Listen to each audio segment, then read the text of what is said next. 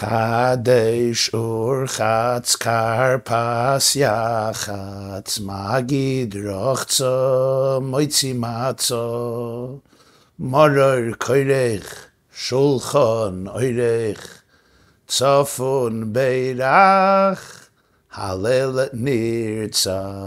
נו, לפי פשוטו, זה התוכנית, הפלן של הערב. יש כאן סדר, סדר ליל פסח, סדר מסודר, חמישה עשרה שלבים, מקדש עד נרצה. אבל כמו בכל דבר, ביהדות ובתורה, יש גם מבט עמוק יותר. יש כאן תוכנית לא רק פרקטית, קונקרטית, מה עושים מה עושים תחילה, מה עושים בתור דבר שני, שלישי. ולפעמים זה גם קצת משמם ומתארך ונרדמים. יש כאן גם תוכנית רוחנית, נפשית, רגשית, פסיכולוגית. הסדר זה מסע, מסע פנימי, מהלך נפשי. יש כאן 15 שליבות בסולם העלייה, מן האפלה אל האור, מן הגלות אל הגאולה.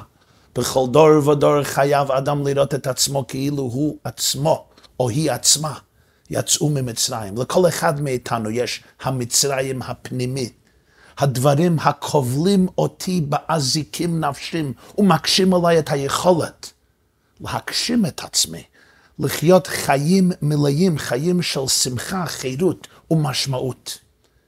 הנה כאן תוכנית של חמישה עשרה שלבים, צעדים, מדרגות, בשביל הזהב המוליך ממצרים, ממקום של מיצר, גבול, מועקה נפשית, למקום של רחבות, התפשטות, ופרצת ימיו הקדמה צפונה ונגבה. כיצד אני יוצא מהמגבלות שלי, מה... איך אני משחרר את עצמי מההתמכרויות שלי? מה עליי לעשות לפרוץ את הגדרים, לשבור את האזיקים, ליצור נקבים של אור בתוך הקליפות המעלימות, לזהות בתוך עצמי את האור האינסופי השורה בקרבי, את שמחת החיים, את מנוחת הנפש, את היכולת באמת למלות את השליחות והיעד שלי בעולם, להשתחרר מהקטנות, מהאגו, מהפחדים, מהטראומות, מהפצעים.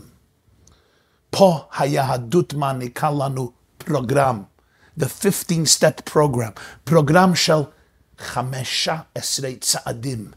סימני ליל הסדר הם אבני דרך בהתנהגות ובמודעות שאנחנו יכולים להגיע אליה. והדברים של השיעור הזה מיוסדים. על כמה וכמה ביורים על ההגדה במשך הדורות. יש הגדת החידה, אחד מגדולי רבני עתליה במאה ה-18, רבי חיים יוסף דוד אזולאי, ובמיוחד בכתבי הקבלה, המחשבה והחסידות על גלות וגאולת מצרים, הם התשתית לחמישה עשרה ביאורים האלו על סימני הסדר מקדש ורחץ עד להלל נרצה. בוא נתחיל את המסע הזה ביחד. קדש זה הצעד הראשון. עושים קידוש, מקדשים את היום, מקדשים את החג. אנחנו מכריזים בבית שזהו יום של קדושה, זמן של קדושה. האווירה משתנית. זה צעד הראשון למצוא חירות בחיים. דבר הראשון, היסוד, אני צריך לקדש חלק מהחיים שלי. כל אחד מאיתנו צריך להקדיש איזה זמן בכל יום, זמן בכמות וגם זמן איכותי, לדבקות, לקדושה, זמן שמיועד למהותך הפנימית והאותנטית. כי בתוך ההמולה של העולם קל מאוד להפסיד, לאבד את המהות.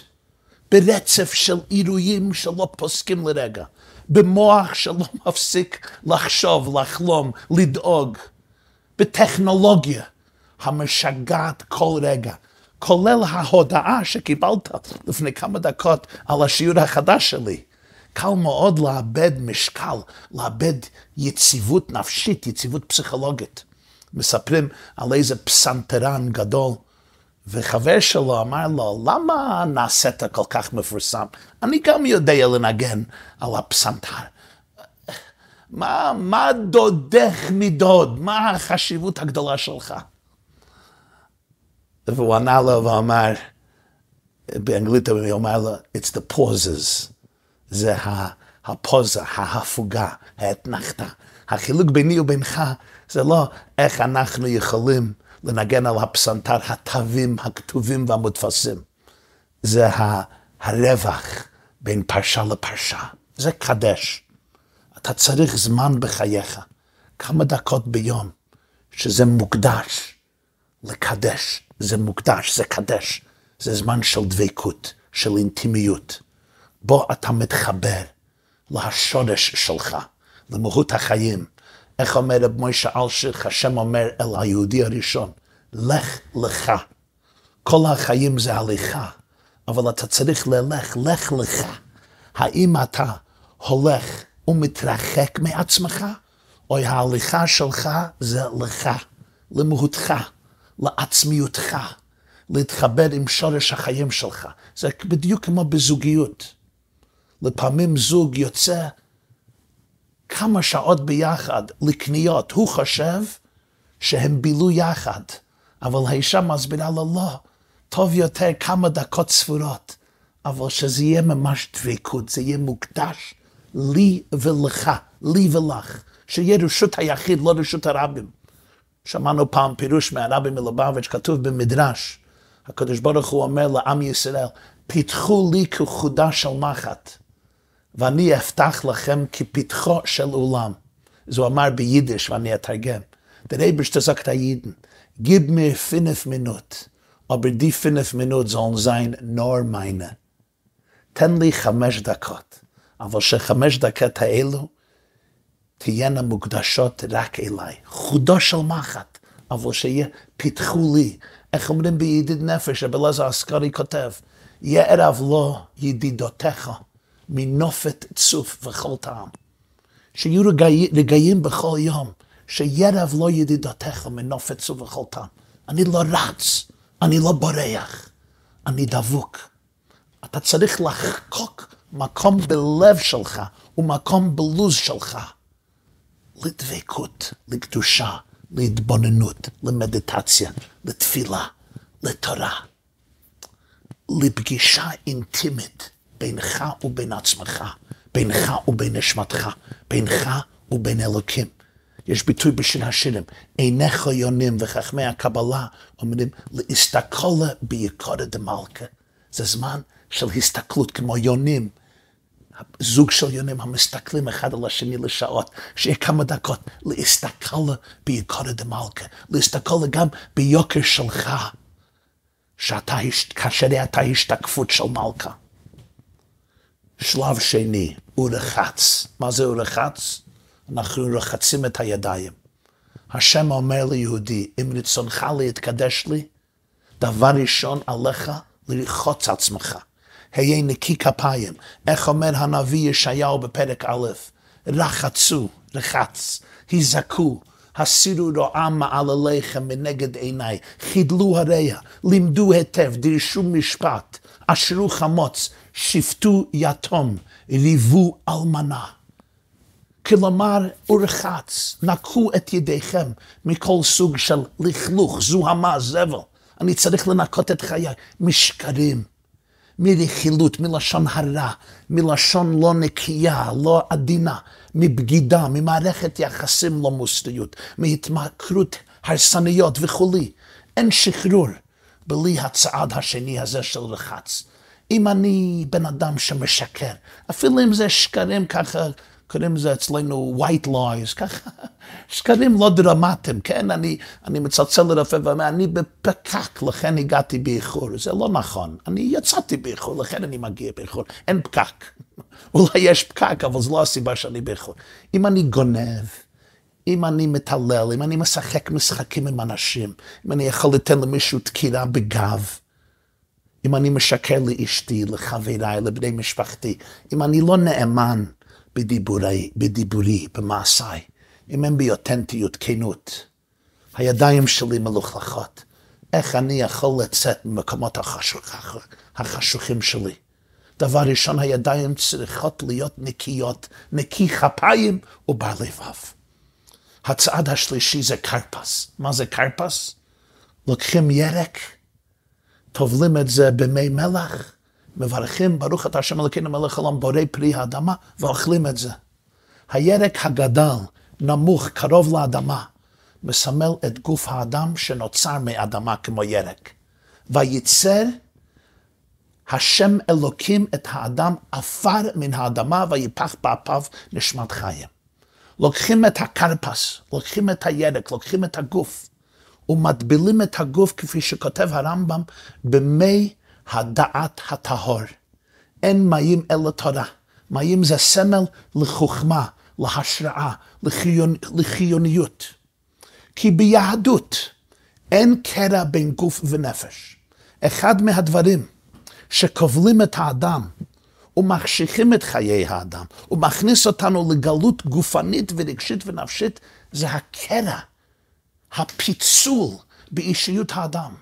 ביהדות הגוף קדוש כמו הנפש, שניהם ביחד ממלאים את תפקיד הבריאה. הגוף הוא צינור להנשמה, הוא הגוף, הגוף הוא הדרך שבו אני מגשים את המשימה שלי בעולמנו. אין פיצול ביניהם ביהדות, אין ניתוק. שמע ישראל, השם אלוקינו, השם אחד הוא, מטו הוא המוטו של היהדות. השם הוא אחד.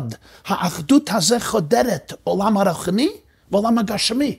השם רצה שהנשמה תגלה את מימד הרוחני, והגוף תגלה את האלוקות על ידי הגשמי. אבל הגוף באמיתיותו ובמהותו הוא יקר מכל יקר, טהור וזך. תיתן הערכה וכבוד לגוף. תקשיב לשפת הגוף. תהיה רגיש לכל מה שקשור בתוך הגוף. אני ורוכב על החמור, הנביא זכריה אומר על מלך המשיח, אני ורוכב על החמור, מפרש המהר"ל מפראג, חמור זה אותיות חומר. גילוי מודעות הגאולה זה בתוך החומר ומתוך החומר. הגוף הוא לא השונא, הגוף הוא השותף המלא לנפש. אני צריך למצוא את הדרך ליצור חיבור, מיזוג שלם ומושלם, השם אחד.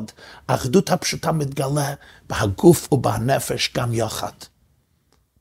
אני מגיע עכשיו לצעד הרביעי, יח"צ. מה זה יח"צ? יח"צ, לוקחים את המצה האמצעית ושוברים את זה לשתיים או לכמה חלקים. השלב הזה זה שבירת המצה. זה מסמל, קוראים לזה באנגלית vulnerability, ענווה. המסר פה זה שחייב שיהיו לי ולך אנשים בחיינו שעמהם אנחנו לגמרי פתוחים, ישרים. הרגש האגואיסטי והמזויף, אני שלם, אני לא צריך אף אחד. זה המכשול הגדול ביותר לשחרור אמיתי. הסר את עצמך מהתנשאות, יהירות, גאווה. הרשה לעצמך להיות vulnerable, פגיע, קנה, כנה, אותנטי, פתוח, בלי מחסומים, בלי כיסויים. יח"צ זה היכולת להודות על האמת, להגיד סליחה, לא לפחד מהמקומות השבורים שלי, לא לפחד מהמצה השבורה. לפתוח את ליבי לכל מה שעובר בחיי, לדבר על השברים שלי, בלי להרגיש שאני צריך תמיד להיות מושלם. איך אמר הרבי מקוצק? נשתו אז הגנצה זך ויצא ברוכן ההרץ. אין שלם מלב שבור. יחד זה המודעות לכך שבכל אחד מאיתנו יש דברים שבורים, יש מקומות שבורים, יש חלקים שבורים. אני צריך לפגוש אותם. אני צריך להתיידד איתם, אני צריך לחבוק אותם. יש גם פירוש חסידי יפה, קרפס יח"צ. גם אם, גם אם אין לך בשר ודגים וכל מטעמים, בידך רק ירקות בלבד קרפס. גם אז עליך לקיים את יח"צ, לחלוק זאת עם העני ממך, ואהבת לרעך כמוך. עכשיו מגיעים מקדש, אורחץ, קרפס, יח"צ, לשלב החמישי, מגיד. מה זה מגיד? קוראים את ההגדה יחד, מקיימים את המצווה, והגדת לבנך ביום ההוא לאמור בעבור זה עשה השם לבצאתי ממצרים. זה יסוד הגדול בחיים של שגשוג רוחני, בחיים של יציאת מצרים. איך אומר משה רבנו? זכור ימות עולם, בינו שנות דור ודור. מצווה לספר ביציאת מצרים. הסיפור שלנו, הקולקטיבי והאינדיבידואלי, מעניק לנו ולילדינו זהות. דע מאין באת, כדי שתדע לאן אתה הולך. יש לנו הזכות לספר את הסיפור שלנו, להתחבר אל הסיפור ולהעניק את הסיפור הזה לדור הבא. אנחנו קיימים כבר שלושת אלפים, יותר משלושת אלפים שנה בתור עם. שרדנו רדיפות וייסורים מכל סוג האפשרי בהיסטוריה הארוכה, רוויית דם ואמונה. רוויית חוכמה עמוקה ומסירות נפש. ואנחנו עדיין כאן ומשגשגים למרות הכל. הקיום שלנו זה מכוח האהבה, התקווה, החיבור, האמונה והמסירות למצווה הגדולה שמשה רבנו אמר לעם היהודי החדש ביום שיצאו ממצרים, שתי מילים, והגדת לבנך. תעביר כל הערכים כל המסורת שקיבלת מסבתא ומסבא ומסבתא רבא ומאבא ואימא לדור הבא, ושיננתם לבניך, ולימדתם אותם את בניכם לדבר בם בשבתך בביתך ובלכתך בדרך, בשכבך ובקומך, במסירות נפלאה. למדנו את הסיפור שלנו, שלנו ולימדנו את הסיפור שלנו. ללמוד וללמד, זה מגיד. כדי לגדול באמת, לצמוח, יש צורך ללמוד וללמד. זה מרחיב את, האופק, האופ, את, ה, את האופקים שלי. כשאני לומד כל יום זה מאתגר את הרדידות. זה מביא אותי למקום הרבה עמוק יותר. אל תיתנו לי יום אחד לעבור בלי מגיד, בלי ללמוד תורה וללמד. הסיבה שזכינו לחזור לארצנו ונחלתנו הנצחית. זה גם בגלל שאלפיים שנה בגלות לא הפסיקו אבותינו ללמוד וללמד את סיפור העם, את סיפור הארץ, באירופה, באפריקה, באסיה, ברוסיה, בליטא, באוקראינה, בהונגריה, בפוילנד, בגליציה, בכל מקומות משוויתיהם, עדות המזרח, בצפון אפריקה, בבובל ובאיראן. במשך מאות ואלפי שנים ישבו יהודים לילות שלמים ולמדו מסכת זבחים ומנחות, בכורות ערכין, מסכת תמורה, למדו על הלכות קרבנות, למדו הלכות תרומות, מעשרות, על קדושת הארץ, על קדושת ירושלים, קדושת מחיצס, דיני קמיצה, דיני מנחות, דיני שמיטה ויובל. כיבוש ראשון, כיבוש שני, חוויית ארץ ישראל, ירושלים, בית המקדש, זה היה דבר חי אלפי שנים אפילו בגלות, כי למדו, כי סיפרו את הסיפור מגיד. זה גם הזמן לספר את הסיפור שלך. מגיד זה גם הסיפור שלך. לראות את יד ההשגחה בסיפור חייך. איך אומרת המשנה במסכת פסחים? על מגיד מתחיל בגנות ומסיים בשבח. בכל סיפור של כל בן אדם פרטי. יש הצדדים האפלים, האתגרים, המבוכות, הירידות, הבעיות, המכשולים, הטעויות הגדולות שעשינו, מתחיל בגנות. אבל דווקא שמה נרקמת העלילה של חייך. סיפור הגבורה, ההרוריזם, ההרואיזם, העלייה, הבהירות שבוקעת מתוך החושך. זה זמן להסתכל על כל הצדדים של חיי. מתחיל בגנות ומסיים בשבח.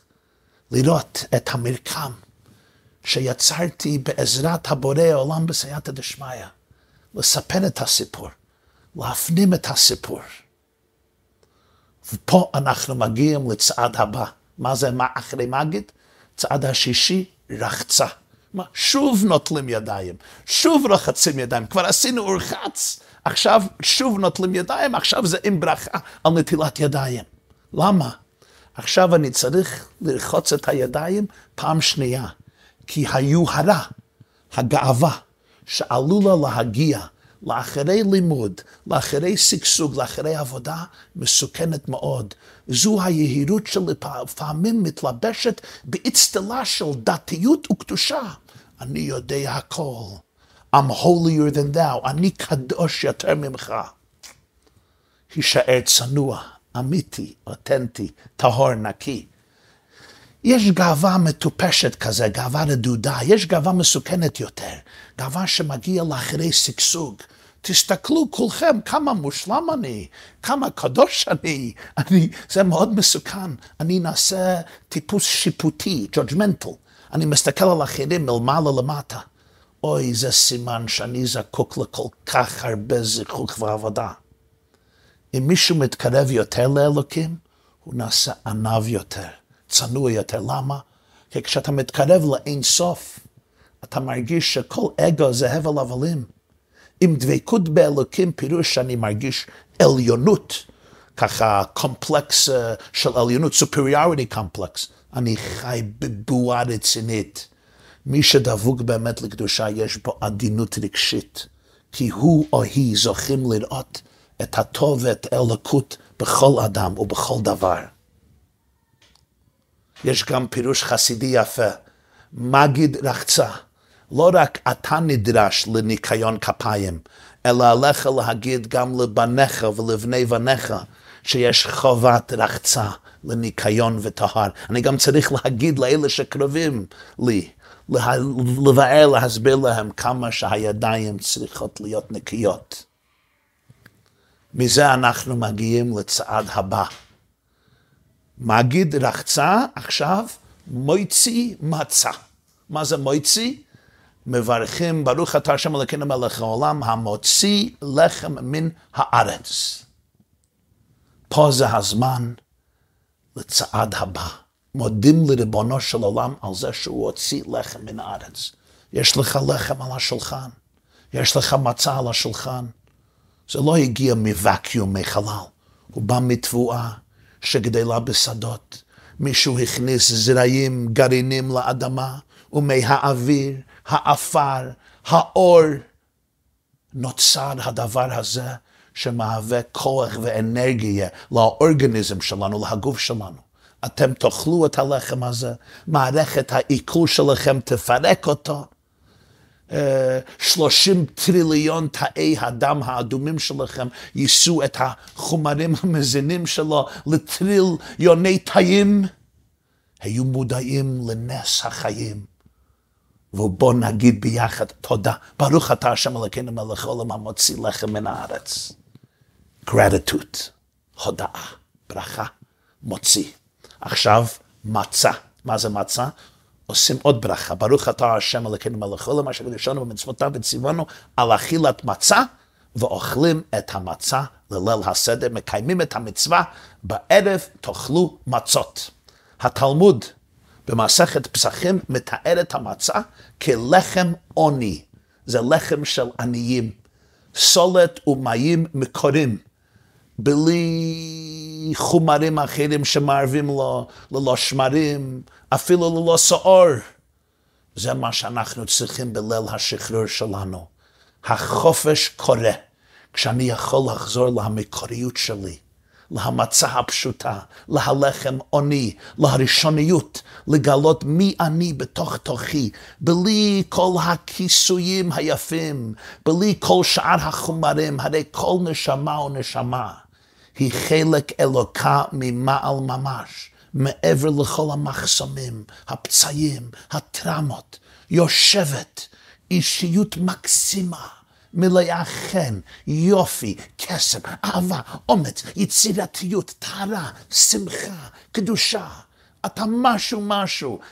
איך אומר ישעיהו הנביא, נצר מטעי, מעשה ידיי להתפאר. אלא מאי? הקסם שלנו לפעמים נשבה, מכוסה בתוך כל מיני כיסויים. המצה אומרת, תחזור למקוריות שלך. שמה אתה התגלמותו של אור אינסוף בעולמנו. אז לאחרי השלב של מויצי להודות על הלחם, עכשיו מגיע הזמן של מצה. יש פירוש אחר גם, מויצי מצה. מצה בעברית פירוש מצה ומריבה, מריבות. מוציא מצה, אני צריך להוציא מחדרי הבית ומחדרי הלב כל מצה, כל סוג של ריב, מחלוקת ומדון. אין דבר כזה שיש מישהו שאני לא מדבר איתם. אני לא אהיה אדם חופשי. אתה לא יכול לצאת במצרים אם אתה לא אפילו מדבר לגיס, לאח, לאחות, לאבא, לאימא, לדוד, לדודה, לשותף, לשכן, לחבר שלווה, אפילו אם יש חילוקי דעות. אפילו אם יש אני לא מדבר, כמובן יש יוצא מן הכלל, אני לא מדבר במקומות שיש התעללות וזה פשוט סכנה למצב הנפשי והגופני שלך, אני מדבר במקרים לא קיצוניים כל כך. יש מחלוקת במשפחה, שחרור חופש מגיע כשאני מוציא מהלב, אני כבר לא רב, אני כבר לא נכנס למחלוקת הזו, אין לי בעיה לבקש סליחה, להגיד בוא, אפילו אם לא נהיה חברים הכי טובים בחיים, אבל אפשר להגיד שבת שלום, אפשר להגיע לבית של שני, אפשר להגיע לשמחה. מוציא מצה, תוציאו כל המריבות. גם יש פירוש אחר, מוציא מצה. מוציא פירוש, תוציא כל מה שאתה יכול מהחיים. תצליח. תשגשג. אין עניין לסגף עצמך, תצליח בגדול, תנצל כל האפשריות, תגדל מעלה מעלה. אמביציה היא גם מתנת אלוקים, זה מוציא. עליך לחלץ, להוציא, extract, actualize, להגשים כל ההזדמנויות, כל האפשריות, מה שקוראים בספרות הקבלה, כל הניצוצות ת, ת, תחלץ. בכל מה שאתה בא איתו במגע, או בכל דבר שבעלותך, תמצא את האפשריות שבזה. לגדול יותר בגשמיות וברוחניות. היהדות אינה דוגלת בהתנערות מהעולם, בסגפנות. להפך, לנצל כל המתנות שלנו. תחשבו בגדול, זה מוציא, אבל מצה. תעשה את זה בענווה, בפשיטות.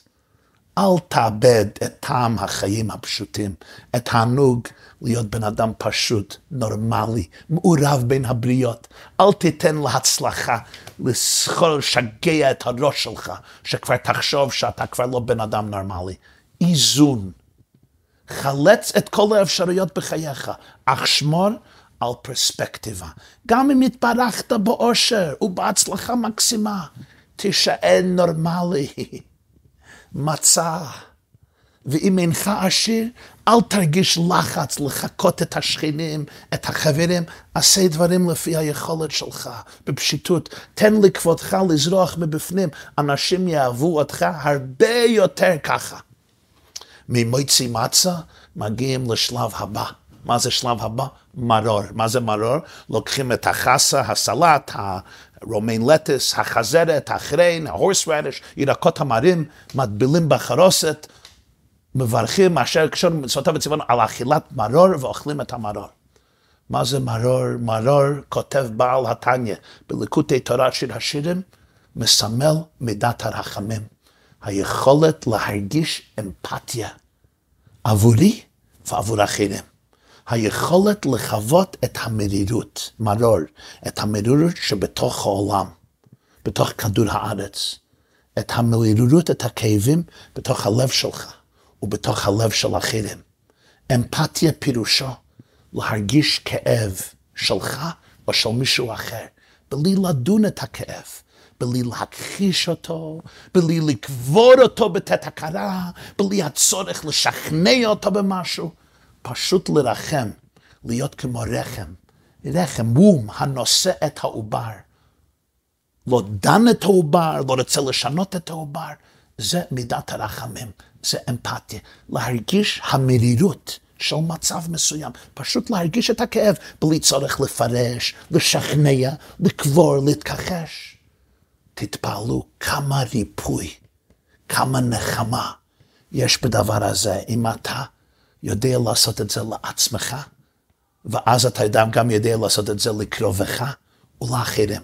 זו מתנה הכי גדולה, להיות שמה בשביל בן אדם אחר, בשביל אשתך, בשביל בעלך, בשביל הילדים, בשביל חבר, חברה. להיות מסוגל להסתכל למישהו בעיניים ולהגיד, אני כאן בשבילך, בשבילך. ובאמת להתכוון לזה, לחיות את זה, לנשום את זה. זה מרור. זה יכולת עמוקה מאוד מידת הרחמים, להיות כמו רחם.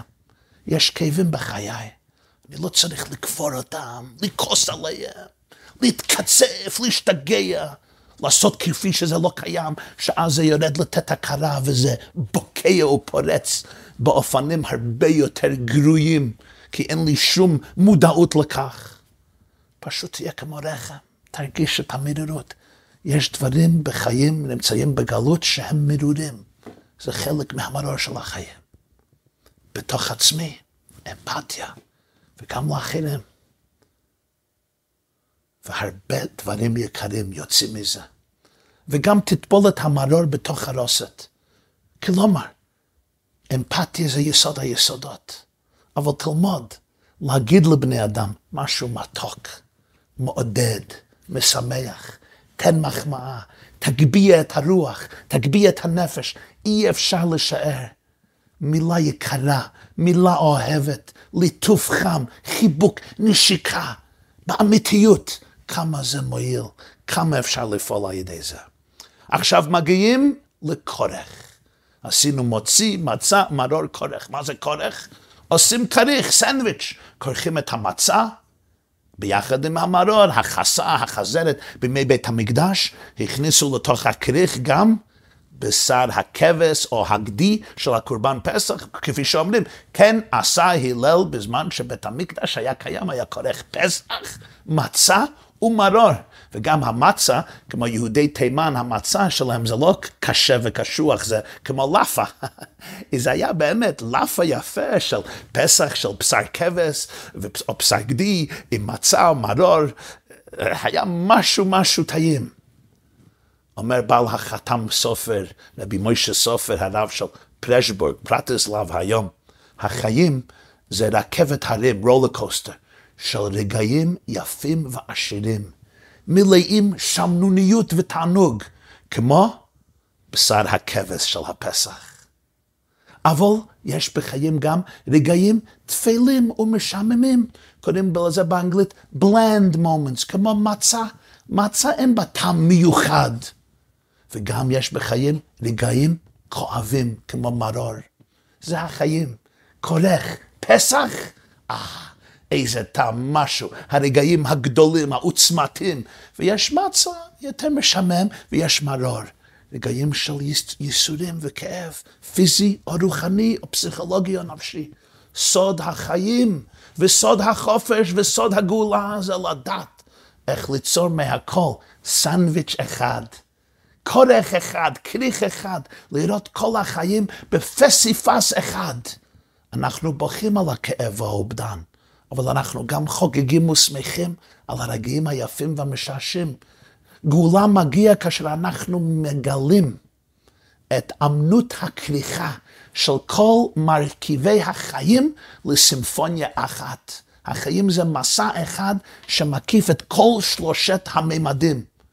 כי לכל עלייה ולכל ירידה יש תפקיד, יש מטרה. התלמוד במסכת יבמות, דף קכ"א עמוד א' מספר שרבן גמליאל אמר שפעם הוא הלך בספינה והוא ראה ספינה אחרת שנשברה, והוא הצטער נורא, למה?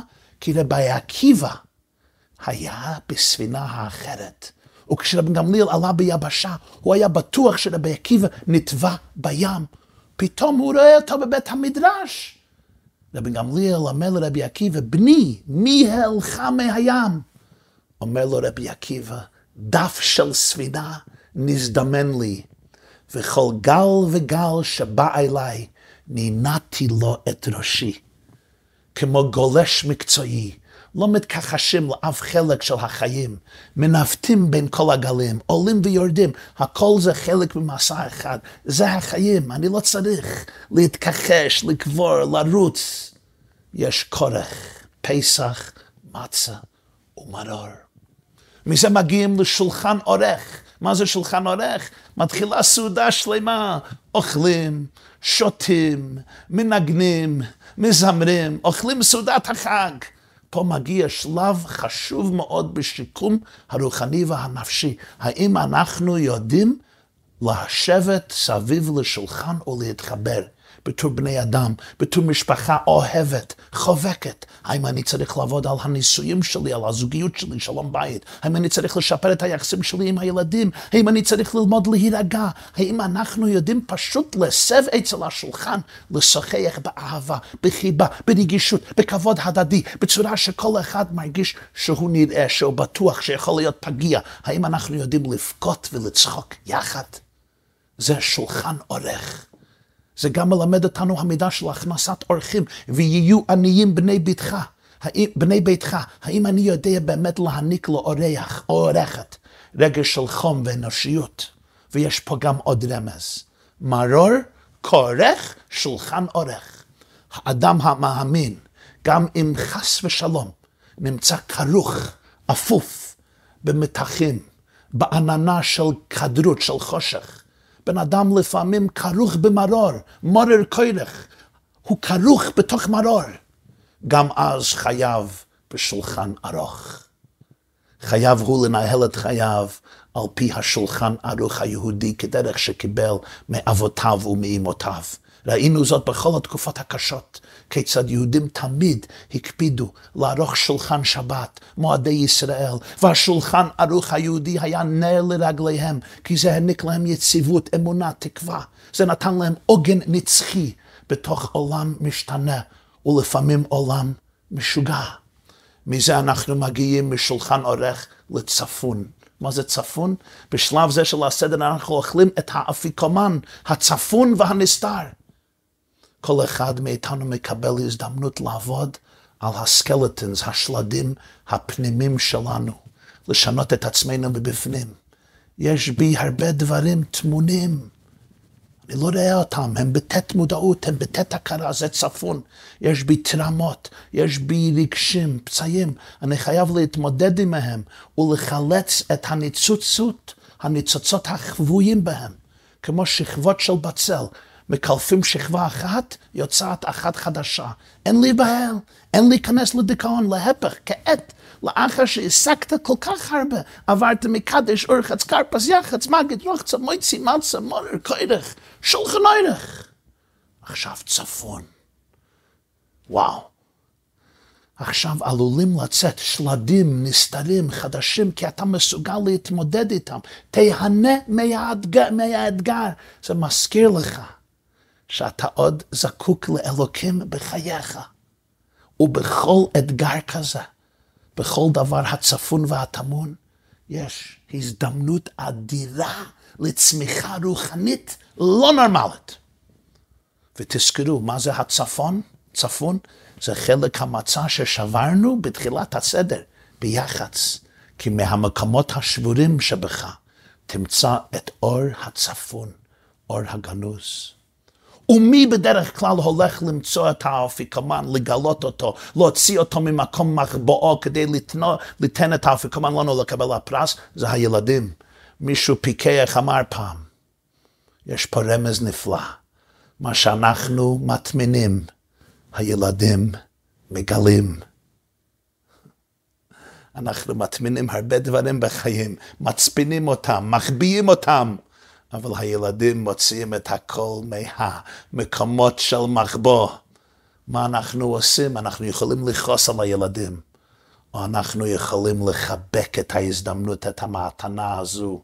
הילדים שלנו, בהתנהגותם, מגלים לנו מה קורה לנו בצפון, בתת הכרה, במצפון החבוי שלנו. הם מעניקים לנו הזדמנות באמת לעבוד על הצפון, לעבוד על הדברים הפנימיים יותר, שאף אחד בעולם לא מאתגר אותנו כמו הילדים. אף אחד בעולם לא יכול להביא אותי לרד למקומות עמוקים האלו, לגלות באמת מה קורה ולעבוד על זה. אם אני כועס על הילדים שלי זה כי הם יוצרים טריגר עמוק מאוד. אם אני מנקה את הלב שלי, הכל ייראה אחרת. אז הגענו לצפון. ויש עוד דבר. המצה רומזת לעם ישראל. הרי האוכל הזה אכלנו כשנעשינו לעם. האוכל הזה ליווה אותנו במסע הארוך שלנו. הזוהר אומר שהמצה זה אוכל האמונה, מכלד מהאמנותה.